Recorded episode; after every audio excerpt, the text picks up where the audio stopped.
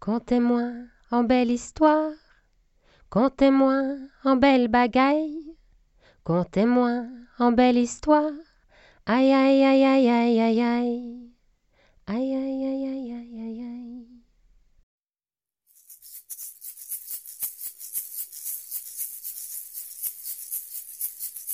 It was the seventh day. The world had been created. Sun, stars, moon, earth, forests, lakes, birds, fish, human beings, and God was pleased. Excellent, he said. Now, Gabriel, put on the kettle. We'll have a well earned cup of tea, and I'll just check out what's going on down on earth. God parted the clouds. He looked down on his beloved planet, and nothing was happening. Human beings were all just lying on the ground, inert, asleep. Wake up! cried God, but there was no movement, nothing. Oh dear. Oh no, said God, I've forgotten something very important. I've forgotten to give human beings brains. Hold the tea, Gabriel. A creator's job is never done. God took a jug and he filled the jug full of brains, bubbling, brewing, boiling, bubbling brains right up to the brim. Gabriel, said God, take this jug, go down to earth, and give human beings brains. Hurry up, I want my tea. So Gabriel took the jug, he spread his gigantic wings, and he flew through the fluffy white clouds down to earth. There were human beings everywhere, and there was only one jug. Gabriel realized that there were not enough brains to go round. And so Gabriel gave just a drop, just a teeny drip, just a dribble, just a drip, drop, dribble of brains to each person.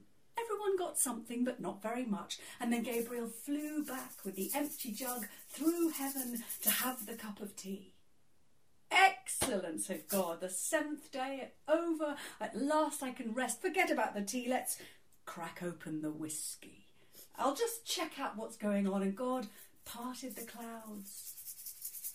He looked down on earth and something was happening. People were arguing. They were fighting. There was tears, hunger, poverty, anger, fury, distress. What is going on? said God. Human beings, they've only got a tiny bit of brains each. They have no idea how to live together at all. Hold the whiskey. A creator's job is never done. And God started to make one last person. And he filled their brains right up to the top. He filled their brains full of sparkling words, poems, riddles, rhymes, myths, fairy tales. And he sent the person with a whole brain down to earth. They began to tell stories.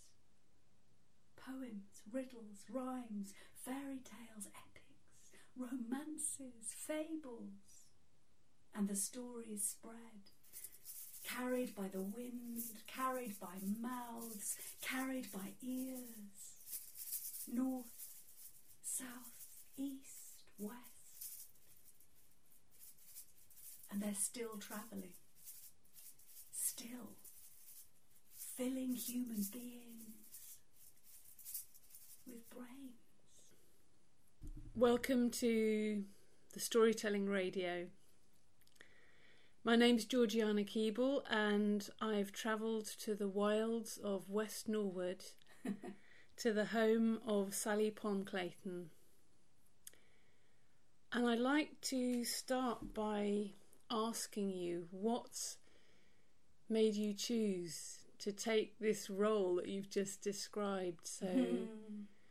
extraordinarily at a time when being a professional storyteller had not happened in this country probably for many hundred years, and there was only a handful of people doing it. What made you do that? We call it in Norway obrøyte, which means if you can imagine going on a pair of skis into the virgin snow. And when you do that, you allow those who come afterwards to do it more easily. Thanks for that question. That's a very beautiful question. Um, I think there's lots and lots of things. I thought I was following in some very beautiful skis of Georgiana Keeble and Ben Haggerty and Toop, actually, who were slightly ahead of me, and also Mary Medlicott, who I worked with before I met you. But it was already inside me, and my grandfather told me stories, and my grandmother was a singer, and and I started telling stories to my cousins from when I was like seven, and I would get them round me in a circle, and I made up this epic, Pig Lou, the epic of Pig Lou, and it was an ongoing story, and they would literally beg for the next episode, and it was a kind of weird mixture of various animal stories, but kind of like the three pigs, but Pig Lou, and there was Wolfie, and they were kind of friends and enemies at the same time. And then there was a cat who had a a TV show. She was a singer, Susie Chantier. Oh, I loved her. And um, I've often thought of sort of reigniting these characters actually because I really love them. And then I started writing plays, and I was it was just something I had to do. It was something I had to do, really. But then I could say, you know, we moved house many, many, many times, like every two years we moved and we were living in Germany and in different parts of Britain and that was very destabilizing and confusing. And then I went to school in England. My parents lived in Germany, and that was very destabilizing as well. And and I think really I needed stories. They were a way of holding on to reality and maybe controlling reality in some way of sort of the outcome of things or the thread of things. And I really did have this feeling that I'd lost my thread at a certain point when I was about nine or ten. And stories were my way of holding on to the thread. And and I think they they helped me survive. I'm feeling shivers going down my spine as you're speaking it's this great sort of conundrum of the fact that stories are about another world and yet they keep us here in this world. I remember reading a fairy tale, a Russian fairy tale, and I was probably about like eight or something like that, and it had the thrice ninth kingdom in the thrice tenth land. And I actually had this physical sensation of a pain that I wanted to go to that place. I really did, and I thought, I don't know how to get there. I don't know how to get there. How can I get there? I really, really wanted to go there. And we had this map in the bedroom, which kind of went from different bedroom to bedroom, which was a map of fairyland. And um, it had all the places on it, you know, Sleeping Beauty's castle and the Goldilocks and the Three Bears house, and it and it was a kind of forest with paths and all these different locations. And I really, uh, but actually, the Thrice Ninth Kingdom and the Thrice Tenth Land wasn't on the map, and, mm. and it was beyond that, beyond that realm. And then I, when I started telling stories, and I met all of you, and and I remember telling you know kind of when I was going to work with you and telling a Baba Yaga story and you all rushed up to me afterwards and said, How did it feel? How did it feel? And I was a bit confused because I thought, What do you mean? This is what I've always done. And suddenly I was kind of looking at it from a different point of view of as a kind of named something mm. where it was an organic expression. Um, and, and after a while, after a few years of kind of reading especially people like um, Heinrich Zimmer, The King and the Corpse, feeling that this kingdom, the thrice ninth kingdom in the thrice tenth land, was not where I thought it was, and that it was actually somewhere I could go. I could go there now, and I could find the way there, and it wasn't where I thought it was. you're in a way you're speaking of storytelling as a kind of medicine which really brings me to something I'd love to ask you about which is how do stories find you I mean, this is a massive subject, isn't it? Because I've been telling stories for 30 years, so mm. I've been telling a lot of stories. I actually don't know. I think it's quite mysterious how they find me. And sometimes I get an idea and it just comes from deep within, you could say, or it bubbles up or it floats down. I don't know where it comes from. Could you maybe think of an example yeah, so, of something that's happened yeah, recently? Um, well, one show that I made, mm. which is called Eros and Psyche.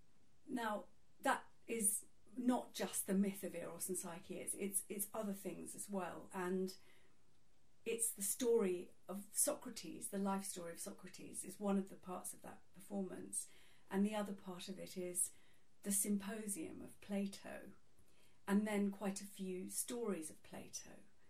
So, how did I get the idea to put these things together? I really don't know.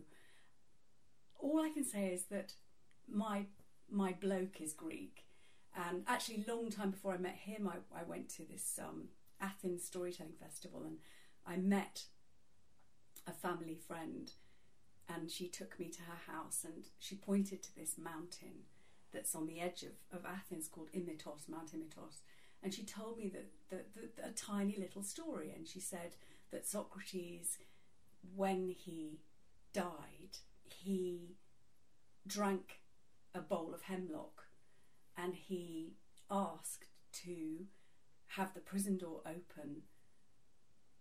And he said, The only thing to see when you are dying is the setting sun reflecting on Mount Imitos.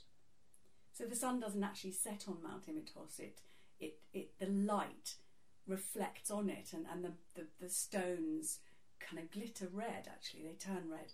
And this was just such a beautiful story, and it, it just went inside me, and, and I felt this longing to know more about Socrates, and I, I just planted a seed, and that seed took a long time to grow, maybe seven years or something like that, to grow into an idea of how to put it together. And then um, Ode Gotto, who used to run this wonderful art centre in Norwich, she ran this art centre called the King of Hearts. It was very, very special and it supported storytelling and it particularly supported me, Hugh, and Ben. And it helped us make the three snake leaves. And, and then it was going to close, and she said, I've got some money and I want to give it to my favourite people, and one of them is you. And what do you want to make? And I said, I've got this idea about Eros and Psyche and Socrates, and she looked quite shocked. like, do I want to invest in this crazy idea? How on earth are you going to bring these elements together? But she believed in me, and she she did. And when I'd been working on it for quite a long time, mm. I discovered that the earliest written version of Eros and Psyche is written in Latin in the first century AD by Apuleius.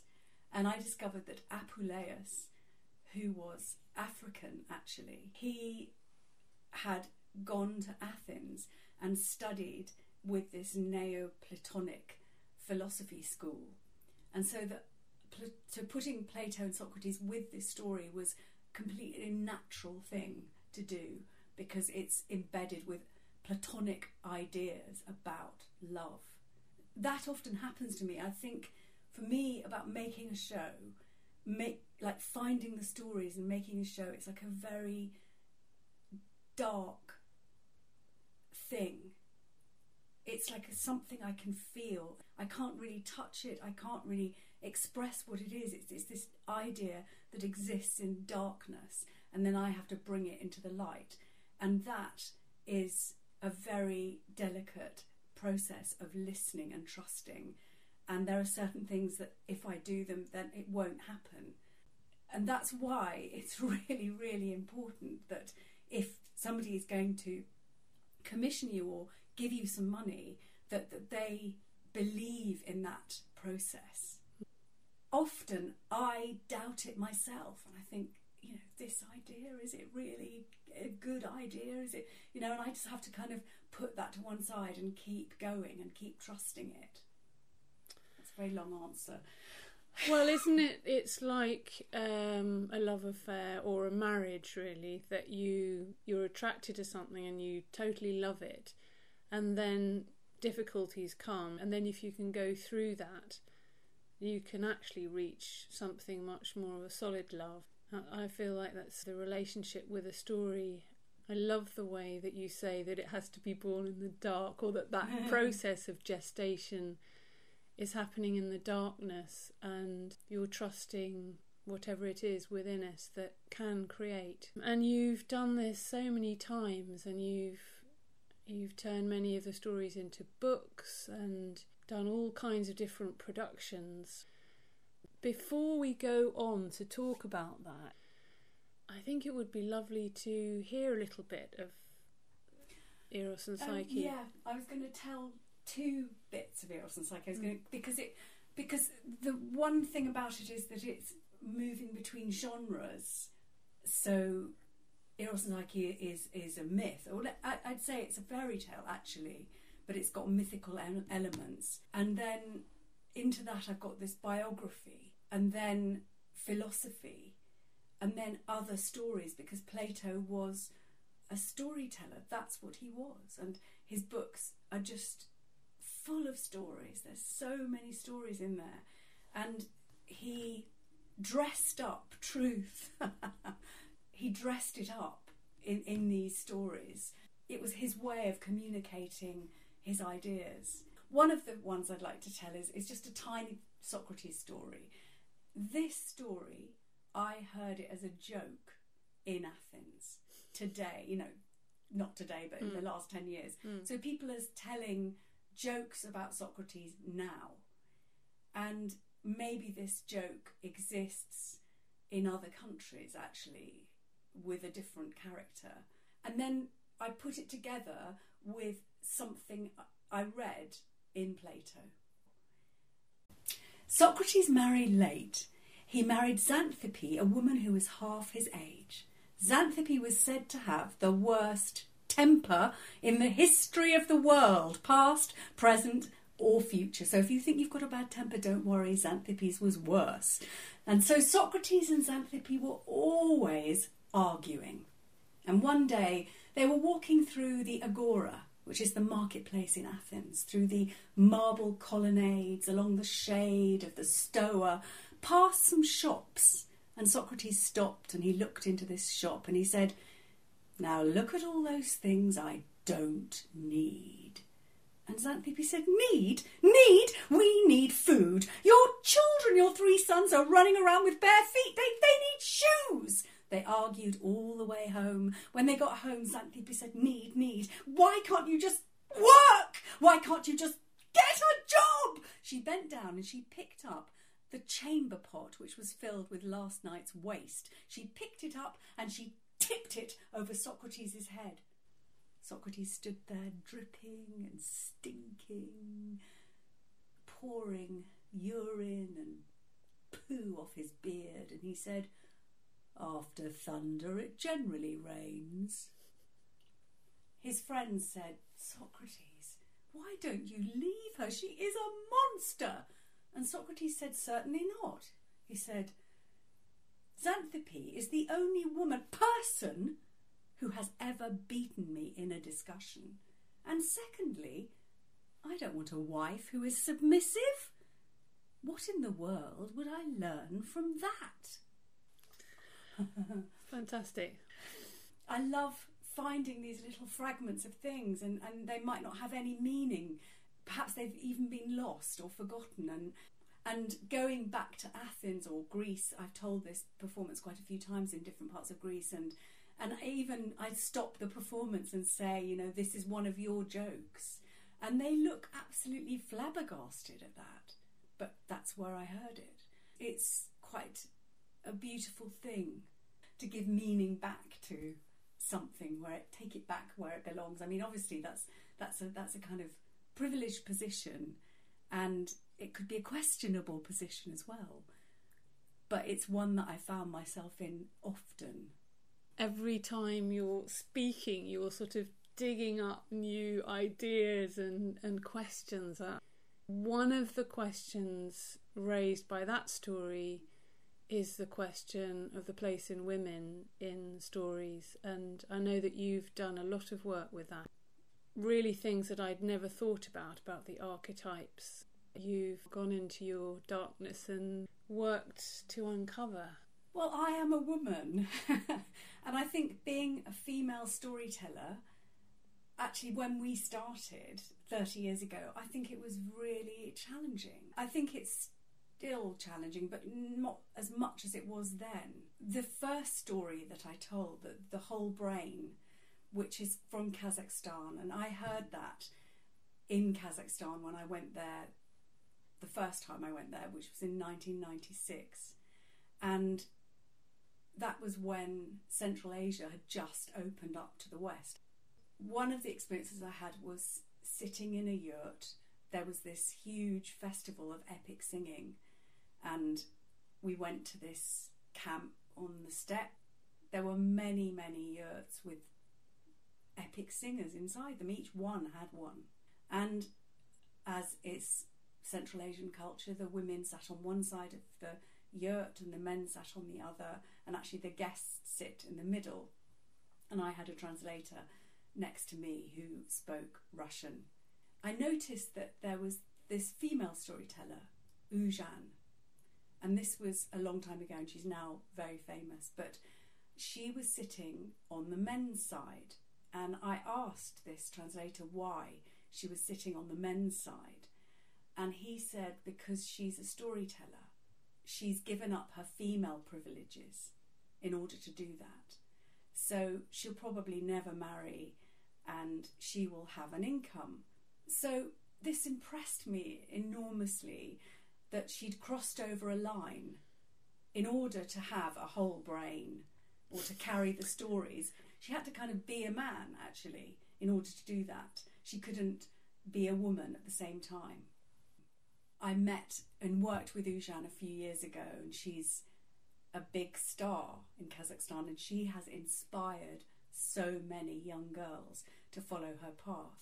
She's such a beautiful storyteller, and she plays the dombra, which is like a little two string lute.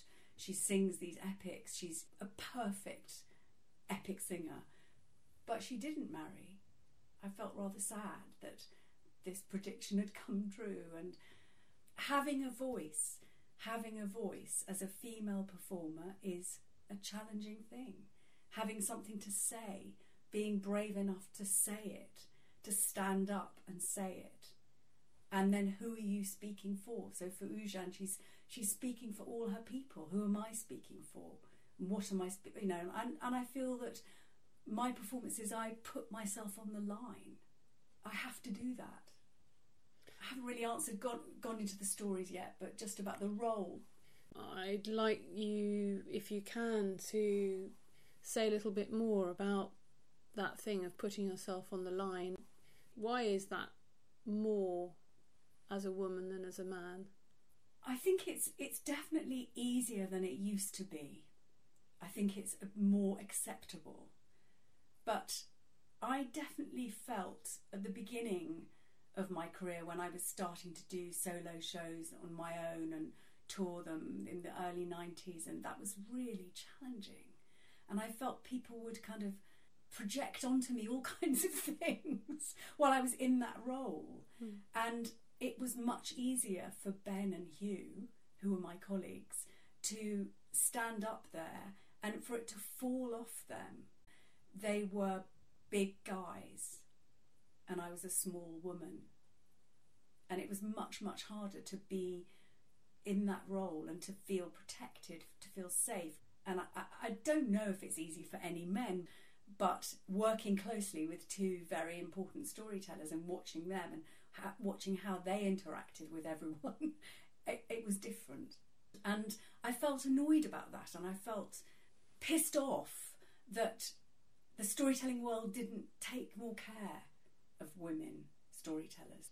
Are you talking about um, the fact that the woman's role has been that of being more empathic, more sensitive in certain ways emotionally, and in order to do that, one has not such a thick skin? Yes, exactly.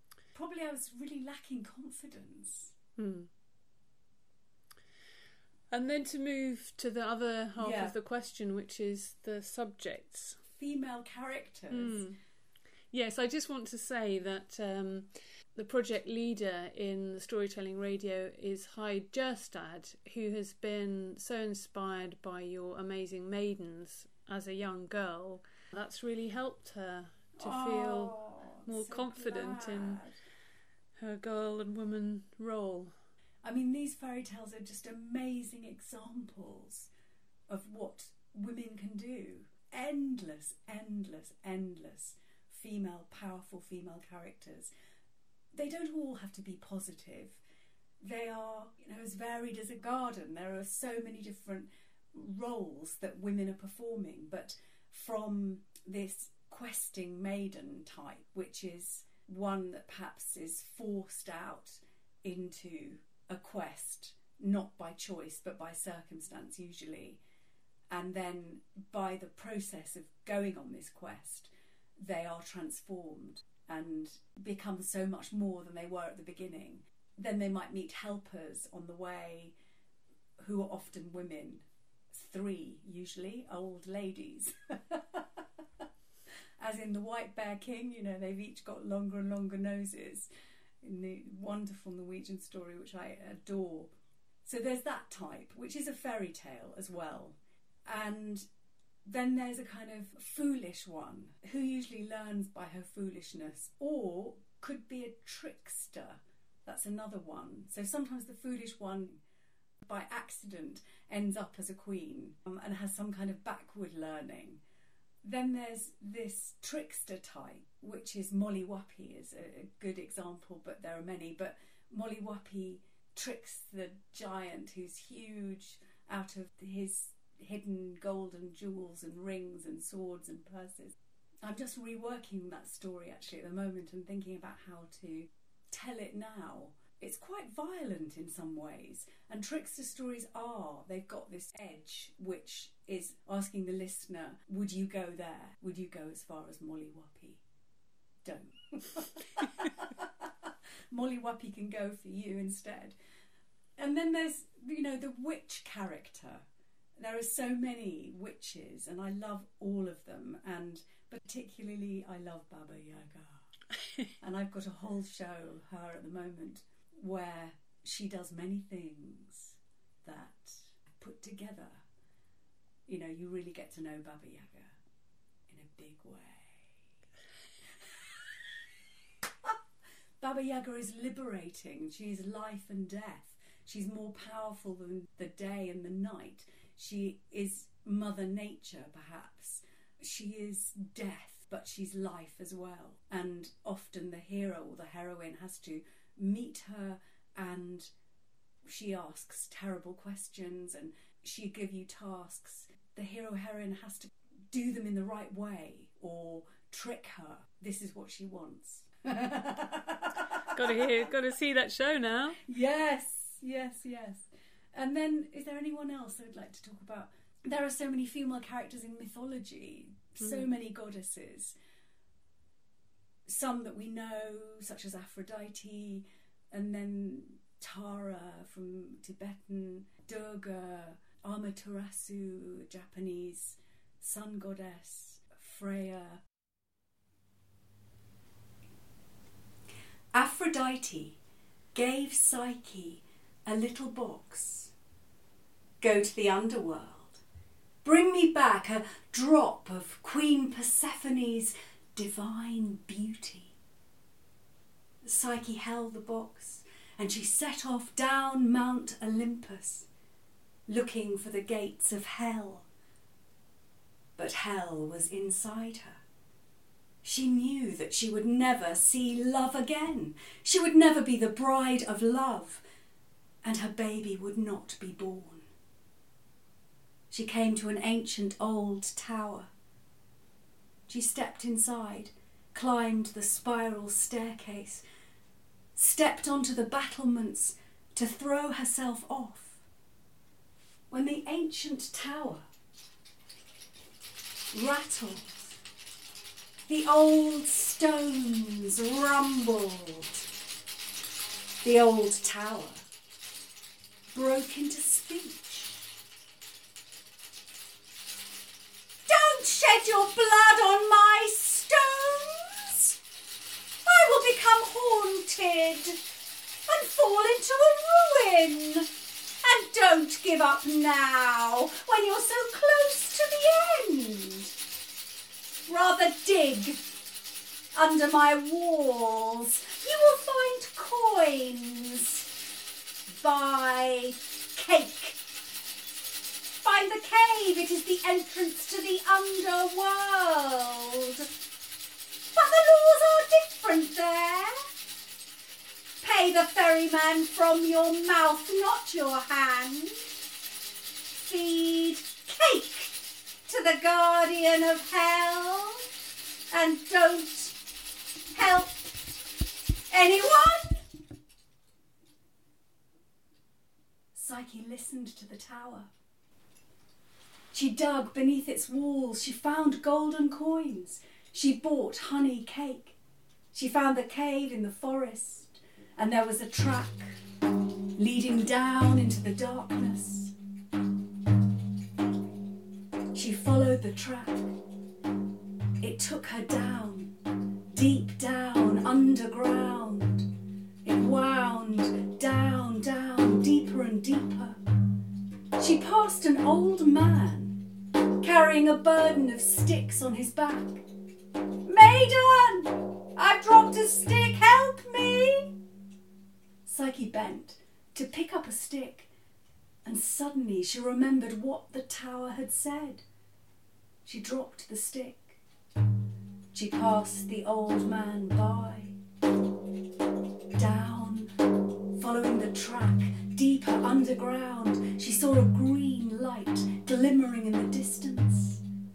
As she got closer, she saw a river. A slow moving, green, gleaming river. The river Styx. If you want to cross, pay. Even death must be paid for. There was the ferryman, holding out a bony hand. Psyche took a golden coin. She didn't place it in his hand. She remembered what the tower had said, and she placed the coin on her tongue. The ferryman was forced to take his payment from her mouth. Like all dead souls, she was allowed to step onto his boat. It was a ship made of patched human skins. It was filled with shades, a hollow eyed crowd of ghosts. They pressed round Psyche, breathing in her life, and the boat set sail across the slow moving green river. In the centre of the river, a corpse bobbed by, bloated, swollen. It reached up a decaying hand towards Psyche, clutching for life, and Psyche reached out towards the hand, and then she remembered what the tower had said. She pulled her hand back, and the boat reached the other side. There were tall, black gates. Beneath the gates, a three headed monster, biting, snarling, snapping. Psyche quickly broke honey cake into three pieces. She hurled it at the three headed monster and it fell on the cake, and the gates opened. Psyche stepped into hell. There was a kingdom sparkling with underground jewels.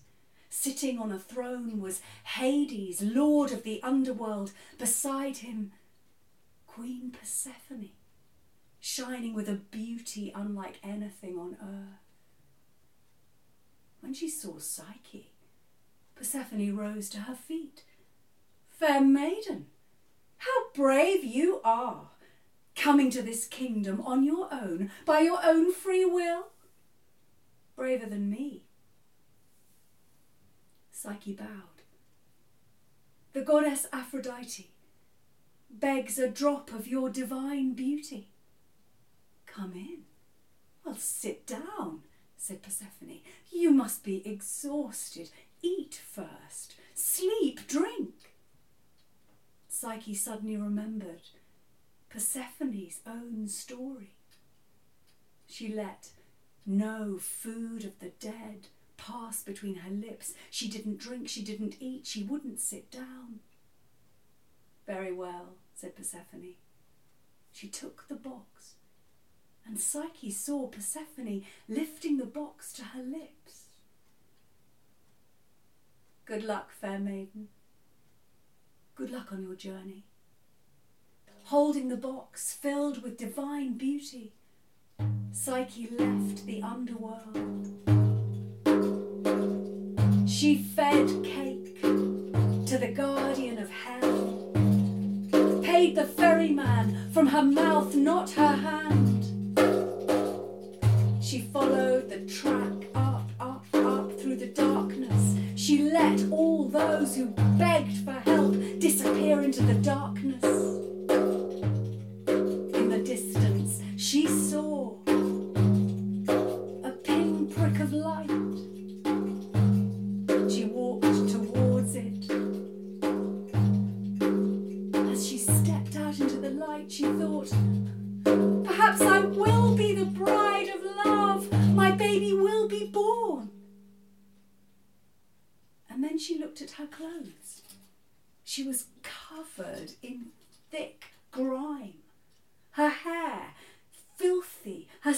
Skin covered in dirt.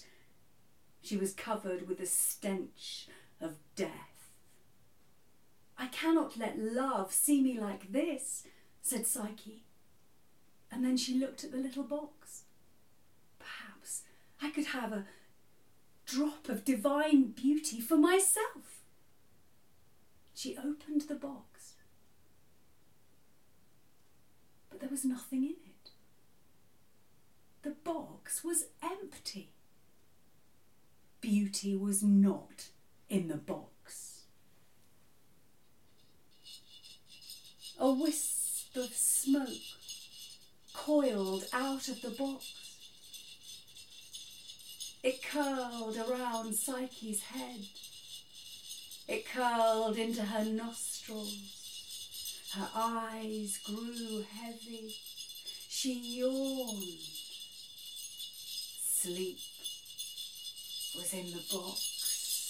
Sleep seized Psyche, and she fell to the ground in a death-like sleep.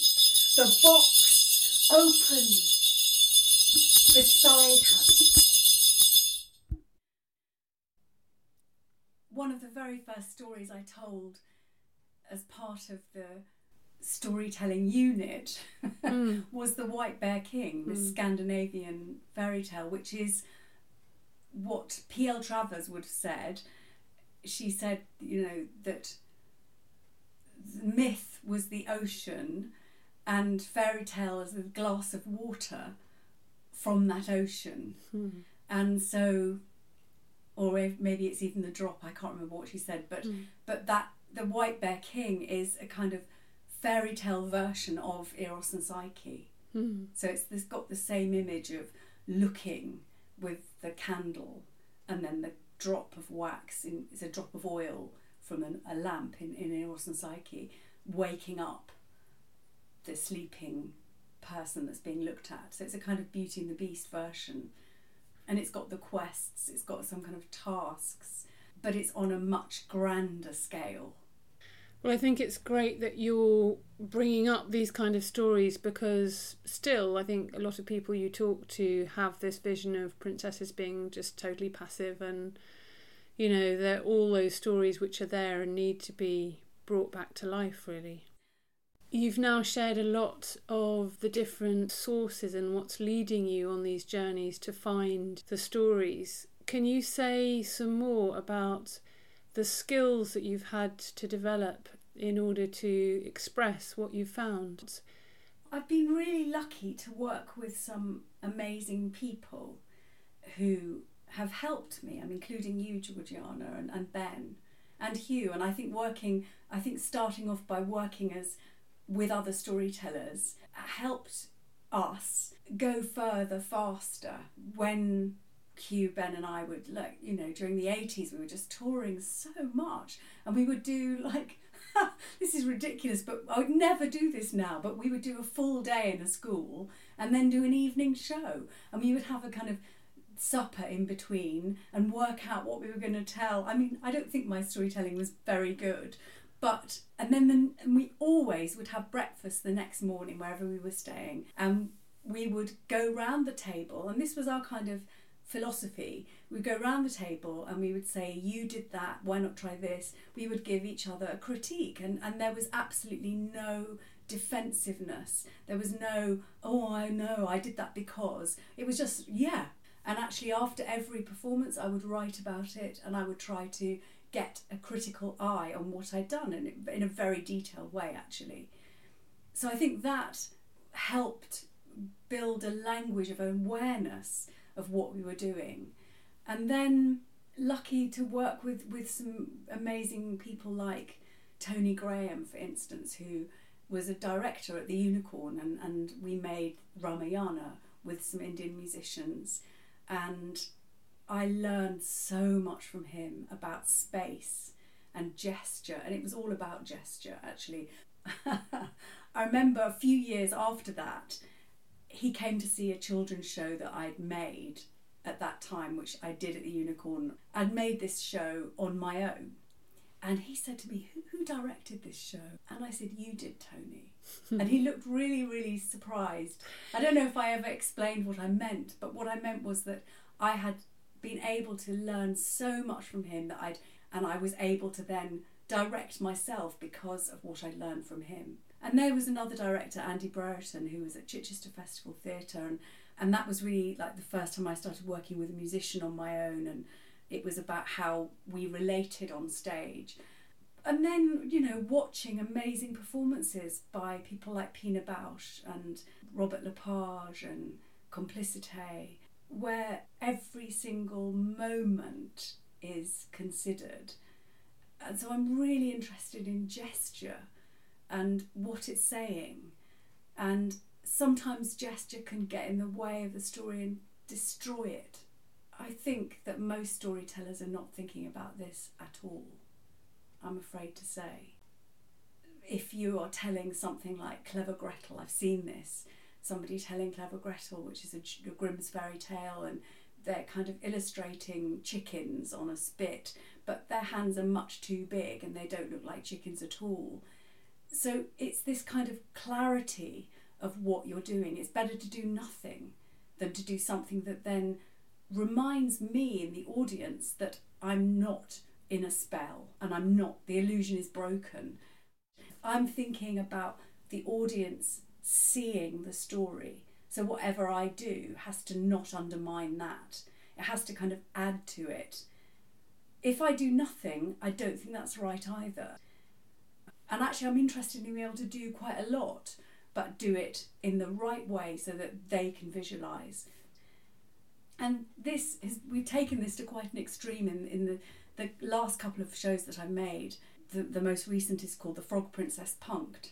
It's got a punk band, a girl punk band, and it's got projections all the way through, animations, and these are projected onto cardboard, so it looks like a sort of punk situation. And um, I worked really hard with this artist, Fotis Beglis. we we really have been thinking about how to use digital imagery and it not interfere with visualization in terms of what the audience seeing. So it's possible to use film and projections and still enhance the visualization process rather than eradicate it. That's really quite a skill. It is. It is because we're using so much of our brain on the visual thing, isn't Yes. it? So that So there's it's how the visual. It's what the visual does. It's Hmm. what the visual does, and actually, it can do so much, which then just kind of suggests it's like a, ca- a palette rather than a doesn't tell you. yeah, it's not What- reconstructing. No, it helps. So do you think then the audio part of it still has in a way the primary place in your mind? Yes. Yeah. It does, and it has to. And so the person doing the working, the artist working with projections, if you want to work with projections, for instance, has to really value that and understand that that's the process. And so we had things that were too fast, perhaps, or too much information. And we did some scratch things, and we could tell the audience were just transfixed by watching the images and they weren't really connecting with me Hmm. and with the story. It's really nice to be able to experiment with it and push the boundaries of the form. Yes, yeah, because I suppose that's one of the great things of, of our position that it is so new, the rebirth of storytelling, that the, there are so many gates open to us to working with other mediums. Sally Pomme Clayton, I know that you've worked in Kyrgyzstan and Kazakhstan and Turkey hmm. telling stories hmm. and collecting. And I wonder if you could talk a little bit about how do we negotiate the ownership of stories if a people and a culture has made a story and they've been making that story for could be for a thousand years do we have the right to then retell it Hmm, that's such so well put.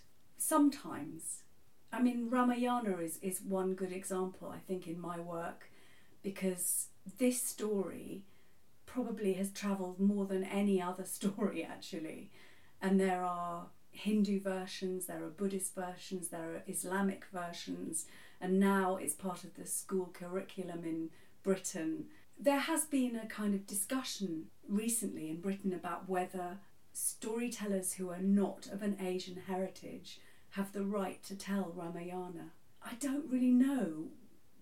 There's no definitive answer to this. I wanted to tell this story, and in order to feel that I had the right, I felt I had to earn it. And I think that's my answer to all stories. So, what do I have to do to earn the right to tell it? I have to do a lot of work.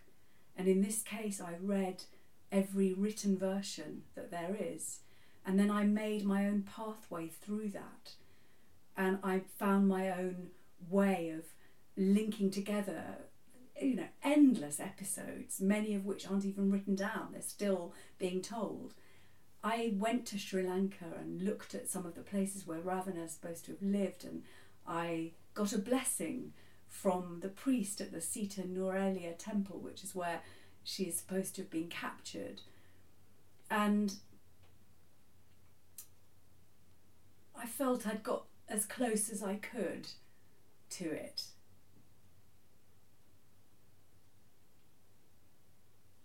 I think there are some stories that I don't feel I can get close enough to, and I wouldn't tell them.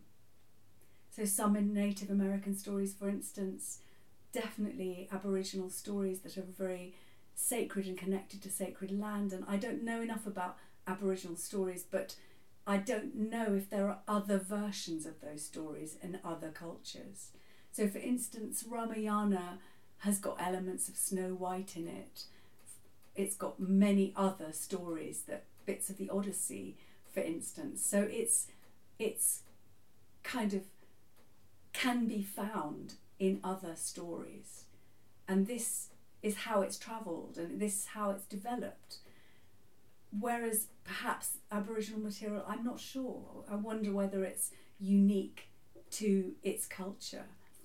That would make me much more concerned about appropriation Hmm. If something exists in many, many versions, then it doesn't really belong to anyone. It's just moved around, and these versions exist. And I feel that my job, and what I'm interested in as well, is I want to look at as many versions as I can from different parts of the world and then make my version. And this process is making something unique actually from that material and then I can kind of feel that I've earned the right to tell it. Yeah, great, great. If I've answered that question. Yes, you have. You've answered it very well. I wanted to mention about the king with dirty feet, which Georgiana knows well because when we started telling stories together, that was like one of my classic stories that I would tell again and again and again. And I've been telling it ever since then. I love this story and, and it's gone through quite a lot of different phases and changes. But it recently came out as a picture book, and I was invited to go to Bangladesh to the Dhaka Literature Festival, which is where this story comes from. And so I felt, you know, daunted really at the prospect of taking my version of a Bangladeshi folktale, which had been made into a poem by Tagore, a satirical poem, actually, a satirical poem. Anyway, I also felt that this was an opportunity that I really had to do and had to find a way of doing it. It, it was an honour. Hmm. So I went to Dhaka to this literature festival and I performed The King with Dirty Feet and everyone knew what I was going to do and, and they were so excited. And I prefaced it by, you know, thanking them for giving me the story and that I talked a bit about the history of the story and how I'd ended up with it and then I gave it back. And actually the performance has got three other stories in it. And they literally didn't want me to move on to the other stories. They just enjoyed so much for me to tell my version back to them. Hmm. You were honouring them. I was. And I was- maybe that, what you're talking about, putting all that work in and earning through working and loving and fighting with this story is what you need to do. To, Yes. Yeah. Yeah. I, I find it very difficult when perhaps young storytellers or storytellers without much repertoire, you know, I've seen it happen again and again and again. People come up to somebody at the end of the performance, I've, I've literally heard this and saying, I'll have that, and telling it the next day. And it's barely left your mouth. This is wrong. You know, okay, if you are telling it to your grandchild or your school class or somebody in a hospital bed, I find that acceptable. But if you're going to a public performance without having done anything, I don't feel that you have earned the right to tell it. It's got to go through some creative process of becoming yours. And of you making your version. In Kazakhstan, there's this saying that the storyteller stitches their name into the epic, into their version of the epic. and I love that. Yeah. And it's that, it's that, you know, you've got to stitch your name into it. And in order to stitch your name, you've got to do some stitching and some cutting and some embroidery and some shaping, and you've got to cut off this bit. And it becomes yours, and then you've got a right to stitch your name into it. Hmm. That's really beautifully put. Um, Oh, I've said some contentious things, Georgiana. yes, you have. Oh no! Do you want to cut them out, please? Is that very contentious? What I just said.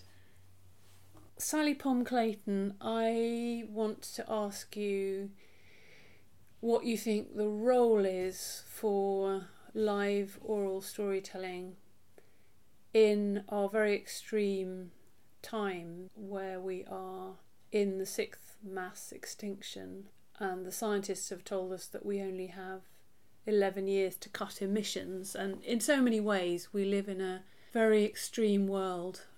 How, how can storytelling play its part?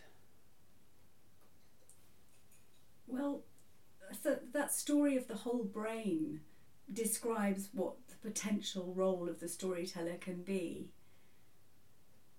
And certainly in Kazakhstan, they actually do believe that the storyteller has to have a whole brain and be almost priest like in their powers. That is not possible for me.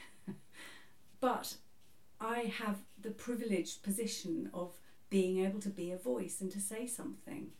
And so it's about using that in the right way. If I become too didactic, which I can do, I don't I think it sort of has an opposite effect and it isn't very galvanizing.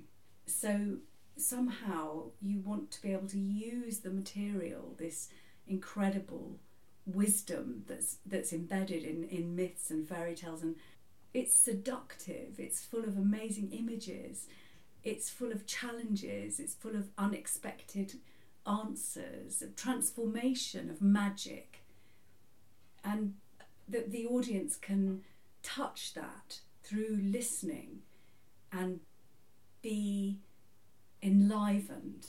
And this can sow a seed, it can spark somebody's own quest, and it can give meaning and it can give hope. Because it's quite easy to feel hopeless right now about everything.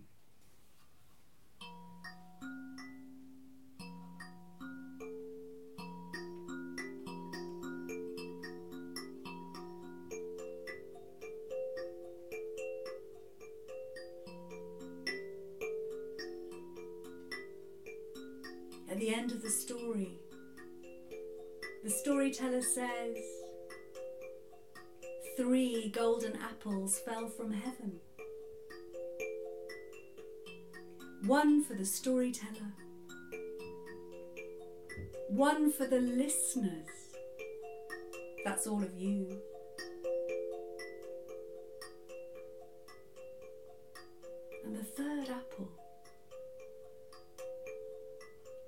Place it on the ground for all those who came before,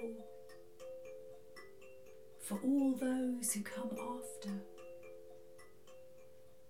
Take it away. Tell your own stories. Contez-moi en belle histoire Contez-moi en belle bagaille, contez-moi en belle histoire. Aïe aïe aïe aïe aïe aïe aïe. Aïe aïe aïe aïe aïe aïe.